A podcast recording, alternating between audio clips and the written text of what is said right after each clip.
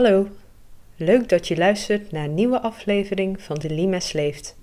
Een podcast over mensen met liefde voor de Romeinse limes. Mijn naam is Deborah en vandaag ben ik op locatie bij het Torenmuseum in Valkenburg en spreek ik met archeoloog Wouter Vos. Hij heeft al verschillende publieksboeken over Romeins Valkenburg geschreven en was vorig jaar betrokken bij de spannende opgraving van het legioenskamp.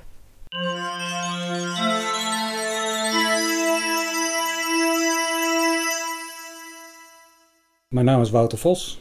Ik ben uh, archeoloog, gespecialiseerd in de Romeinse tijd. Ooit afgestudeerd en gepromoveerd op de Vrije Universiteit in Amsterdam op provinciaal Romeinse archeologie. Dus daar komt uh, mijn interesse en, uh, en, kennis van de Romeinse wereld ook vandaan. En ik werk sinds 2013 bij Saxion Hogeschool als docent. En ik heb daarnaast ook mijn eigen adviesbureau waar ik opgravingen uitwerk, maar ook allerlei adviezen geef aan eh, gemeentes, provincies eh, enzovoort. Het liefst over de Romeinse tijd. Ik ben daar ingerold omdat ik daarvoor bij een adviesbureau zat en daarvoor bij een opgravensbedrijf en daarvoor ook nog bij de Rijksdienst heb gewerkt. Dus ik heb wel een redelijke lange geschiedenis in die uh, archeologische wereld sinds 1994. En ergens ja, met een soort van toeval in de Limes terechtgekomen. Dat was niet eens 1, 2, 3 de bedoeling. Maar ja, dat is wel eigenlijk het leukste onderwerp. Als je over de Romeinse tijd in Nederland uh, een studie hebt gedaan, dan is dat die confrontatie tussen, laten we zeggen, de lokale bevolking en de Romeinse militairen, dat is het meest interessante. En als je me vraagt wat mijn dierbaarste herinneringen of mijn leukste opgravingen, hoe je dat ook wil noemen, uh, langs die limes zijn geweest in Nederland, dan springen er twee uit. Het schip in Woerden, in 2003 uh, eh, opgegraven. Toen werkte ik nog bij het ADC. En afgelopen jaar 2021, 2021 het, uh, het legioenskamp hier in uh, Valkenburg. Ja, de Woede 7, dat schip, dat heb ik in seizoen 1 heb ik daar uh, over gehad met Mart Scheer. Met Mart, ja, ja precies, dus die zat daarbij. Is, ja. leuke aflevering. Ja, dat is geweldig. Ja. het leuke van dat Romeinse schip was natuurlijk dat het ja, volstrekt onverwacht was. Omdat we wisten wel dat we de Romeinse Rijn in zouden gaan. Maar ja, daar ging je ook de middeleeuwse grachten in. Dus de gedachte was, dat is allemaal vergraven door die middeleeuwse grachten. En toen vonden we een stuk hout. We wisten wel vrij snel dat het een schip was. Maar toen was de vraag van, ja, maar wat voor schip is het, weet je wel? Dus komt hij nou uit de Romeinse tijd of niet? Nou, dat duurde best eventjes. En uiteindelijk kwam het er natuurlijk helemaal uit en hebben we hem helemaal blootgelegd. Maar dat onverwachte, dat is eigenlijk het leukste. Dat vind ik ook het spannendste van de, van de archeologie. Het is altijd het is altijd nieuw wat je weer vindt in de bodem en daardoor gaan verhalen ook weer veranderen. En dat is, uh, ja, ik denk dat dat onze rol is als verhalenverteller. Om te kijken of we naar aanleiding van nieuw onderzoek het verhaal scherper kunnen krijgen. Of ja, nog beter verwoorden naar het publiek. Dat ze begrijpen ook hoe een archeoloog werkt. Dat vind ik ook wel belangrijk. Het is niet zo dat we een boek lezen en twee scherven naast elkaar leggen en dan zeggen van oké, dat is het. Je moet echt wel gaan puzzelen en bedenken hoe dingen zitten. En dat was bij dat schip van, uh, van Boer was dat zo. En dat was bij dat legioenskamp natuurlijk in uh, Valkenburg precies hetzelfde. Ook iets onverwachts. Waardoor in één keer je hersenen aan het werk worden gezet en denk van... hé, hey, wat is dit? Hoe zit dit? Hoe, kan dat nou? Want dat hoort hier toch helemaal niet te liggen. En het proces van het, van het afwegen en het wegstrepen en nou, het weer naar je toe halen... en oud onderzoek erbij betrekken en zo. Ja, dat, is, dat vind ik het allerleukste van de archeologie. Het is eigenlijk gewoon puzzelwerk. Ik had ook uh, bij de politie misschien kunnen gaan werken als detective, want feitelijk is dat best wel vergelijkbaar. Maar dat deduceren en komen tot iets wat, ja, wat betekenis heeft en waar je een mooi verhaal over kan vertellen, ja, dat is zo ontiegelijk veel waard. En dat waren die twee dingen wel. Ja, nou ja, op Valkenburg komen we zo meteen natuurlijk nog, want we zitten hier midden in Valkenburg uh, in het Torenmuseum. Dat ligt letterlijk op het kasteel? Ja, dat ligt op het kasteel. Dus dit, het, het kasteel van Valkenburg is opgegraven nou, voor, uh, ik weet niet precies hoeveel procent, maar laten we zeggen 75 procent. In en net na de Tweede Wereldoorlog door uh, professor Van Giffen. De kerk die was kapotgeschoten in de Tweede Wereldoorlog en die is weer herbouwd en ja, die stond binnen het kasteel. Als je het beeldend maakt en je hebt een kaart voor je neus en je zou van noord naar zuid lopen, dan heb je aan de noordkant het kasteel. Dat is opgegraven dus door Van Giffen. Ietsje zuidelijker ligt een terrein uh, genaamd Veldzicht. Daar ben ik ooit begonnen met mijn uh, archeologische carrière in Valkenburg. Daar ligt voornamelijk de Romeinse weg. Ga je nog iets zuidelijker, dan kom je op een terrein, het Marktveld. Dat is in de jaren 80 van de vorige eeuw opgegraven. En daar ligt voornamelijk een groot grafveld, ook weer diezelfde Romeinse weg en een aantal uh, militaire structuren en een aantal boerderijen uit de tweede, derde eeuw. En ga je dan nog wat zuidelijker, dan kom je op een terrein de Woerd. En dan zit je al bijna tegen Leiden aan, zou je kunnen zeggen. En op de Woerd, daar ligt ook weer die Romeinse weg. En daar ligt een aantal, uh, ja, daar hebben ze rijtjeshuizen genoemd. Ficushuizen die uh, haaks op die weg zijn georiënteerd. En dat was een opgave uit de jaren 70. En die hebben we pas in 2010, 2011 uitgewerkt. De opgravingen van het marktveld, weer even terug naar boven, zeg maar, die zijn uh, alleen globaal uitgewerkt. Dus daar zijn wel wat boeken over verschenen, wat kleine boekjes van Epco Bult en Daan Hallewas en uh, collega's. En, en een groot boek in, het, uh, in de serie van de, van de Rijksdienst, van de Nederlandse oudheden. Maar daar ligt nog heel veel op de plank. Dus dat is eigenlijk nooit ter hand genomen. Onder andere dat grafveld is nooit gedaan. En veldzicht, weer nog even verder naar boven. Nou, dat, dat is wel uitgewerkt op basisniveau. Dus daar, die, die sporen van Romeinse weg kun je wel zien. Het castellum lijkt heel goed uitgewerkt, maar dat is eigenlijk ook maar een soort van uh, ja, preliminary report van Van geweest. In de terpenverslagen van de terpenvereniging is dat gepubliceerd. Glasberg heeft daarna in de jaren 60 nog iets over gepubliceerd. Uh, maar de echte wetenschappelijke uitwerking is eigenlijk ook achterwege gebleven. Dat is eigenlijk nog nooit gebeurd. Ik heb toen met een collega in 2005 hebben wij een publieksboek gemaakt over uh, Romeinen in Valkenburg. In die, die schreeuwende doe maar kleurtjes, in dat, uh, dat groen en dat roze. En daar hebben we geprobeerd alles bij elkaar te vegen van wat er toen bekend was. Want daar was wel, ook bij mijzelf, gewoon ernstig behoefte aan van wat hebben we nou precies allemaal. Want het is allemaal zo versnipperd in Valkenburg. Ook omdat het zo in heel verschillende periodes is opgegraven. Maar dat overzicht, dat heeft denk ik wel aardig geholpen. Want ik denk dat veel uh, mensen en ook collega-archeologen toch niet dat helemaal op hun netvlies hadden van wat er nou precies allemaal uh, aanwezig is. En dan kom je in dat castellum, in die, in die opgraving, kom je de meest aanzinnige dingen tegen. Als je daar naar oude foto's gaat, ja, dat, dat, daar stond alles nog een meter overeind. Gewoon de, de muren en de, de, de beschoeiingen en, en de delen van gebouwen, barakken. Het is, het is echt ongelooflijk. En op een gegeven moment zie je foto's van van een muur die is omgevallen met een stuk of tien arbeiders ernaast. Ja, dat is een muur van, uh, nou ik schat zo uh, drie, uh, drieënhalve meter hoog. En dat zijn allemaal dingen die eigenlijk verloren zijn gegaan toen de generatie van Van Giffen en Glasbergen nou ja, verdween.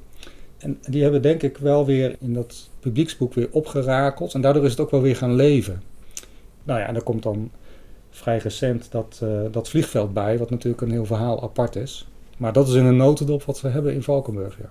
Ja, dat is wel bijzonder, want je hebt een aantal plekken langs de Limes.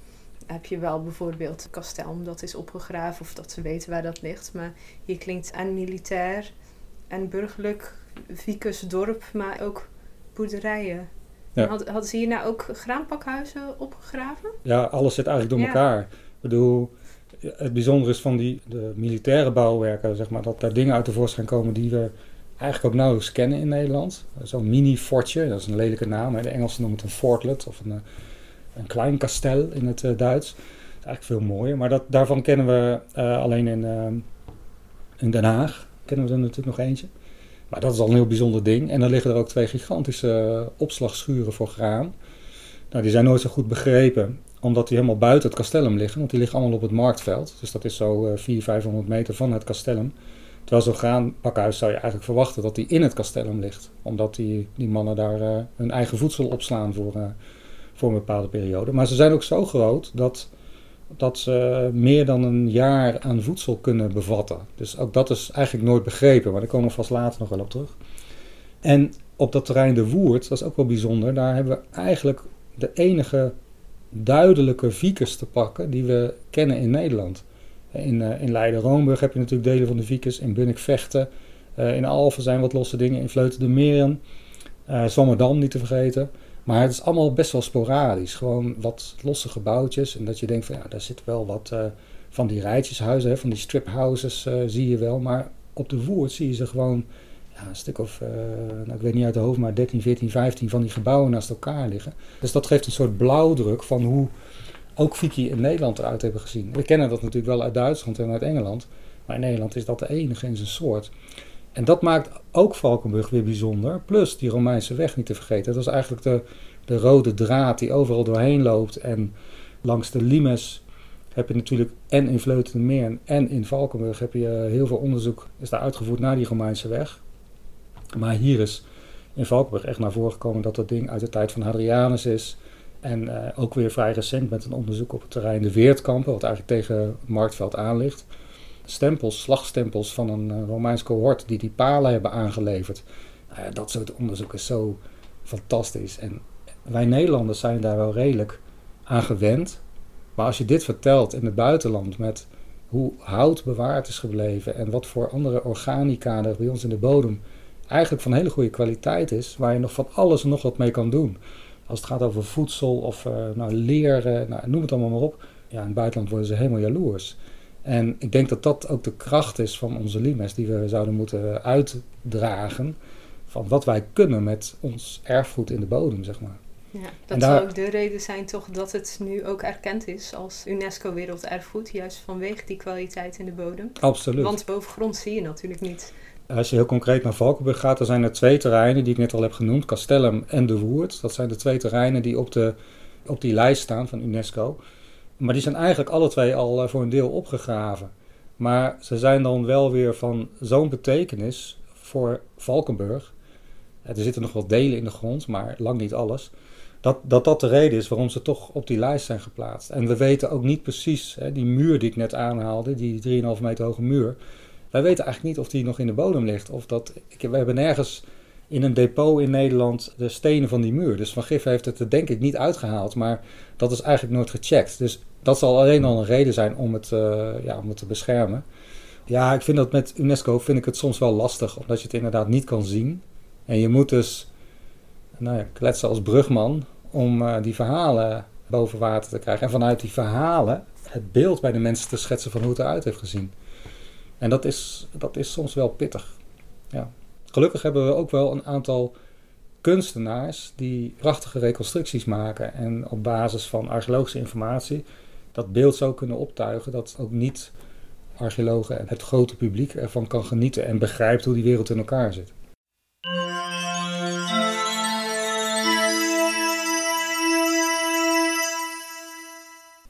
Op de Peutinger kaart staat de naam Praetorium Agrippinae. Deze is altijd gekoppeld geweest aan het Romeinse fort in Valkenburg. Hoe zit dat nu? Voordat die legioensvesting werd gevonden, was het idee dat uh, Praetorium Agrippina dat dat de naamgeving was van het fort. Dan wel een soort van staatshotel, werd wel eens geroepen, op de Woerd misschien wel, uh, maar dan nog nooit gevonden gewoon een naam, net als alle anderen. Net als Albaniana voor Alfa aan de Rijn en Matilo voor, uh, voor Leiden.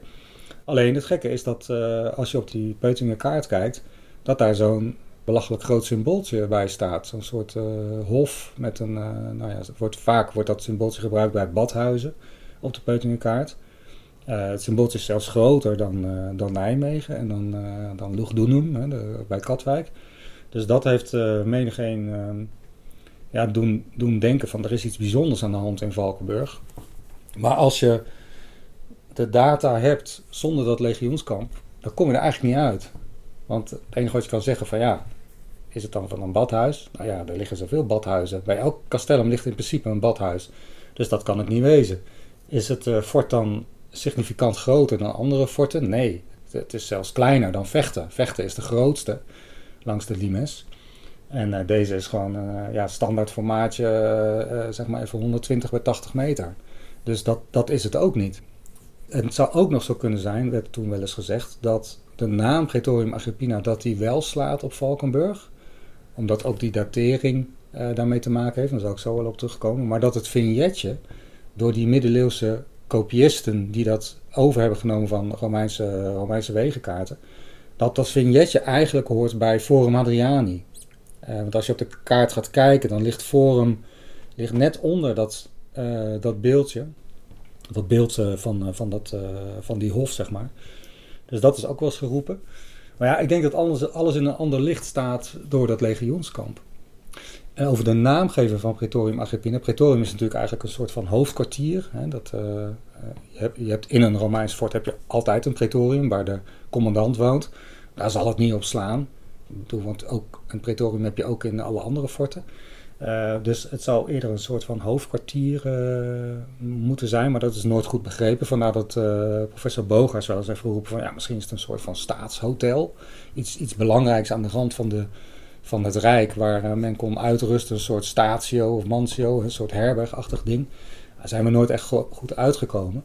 Maar Agrippina, dat was wel vrij snel duidelijk. Dat kan slaan op Agrippina de oudere of de jongere. De oudere, dat is de moeder van Caligula. En de jongere, dat is de zus van Caligula, de latere vrouw van Claudius. En er is altijd gedacht dat het sloeg op de oudere, dus op de moeder van Caligula. En dat komt weer door de datering van het castellum van Valkenburg, wat uit de tijd van Caligula is. Dus Praetorium is niet begrepen, Agrippina is wel begrepen en het vignetje is ook niet begrepen. Maar ja, toen kwam dat legioenskamp. En toen gingen wel een aantal dingen op zijn kop staan. Waardoor ik denk nu dat Praetorium Agrippina, dat hoofdkwartier vernoemd naar Caligula's moeder, uh, dat dat nu wel in een ander licht staat.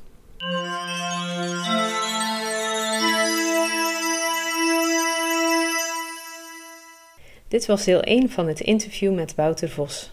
In deel 2 vertelt Wouter uitgebreid over de spectaculaire vondst van het legioenskamp en wat dit betekent voor de geschiedenis van deze plek. Luister dus volgende keer weer naar De Limes Leeft.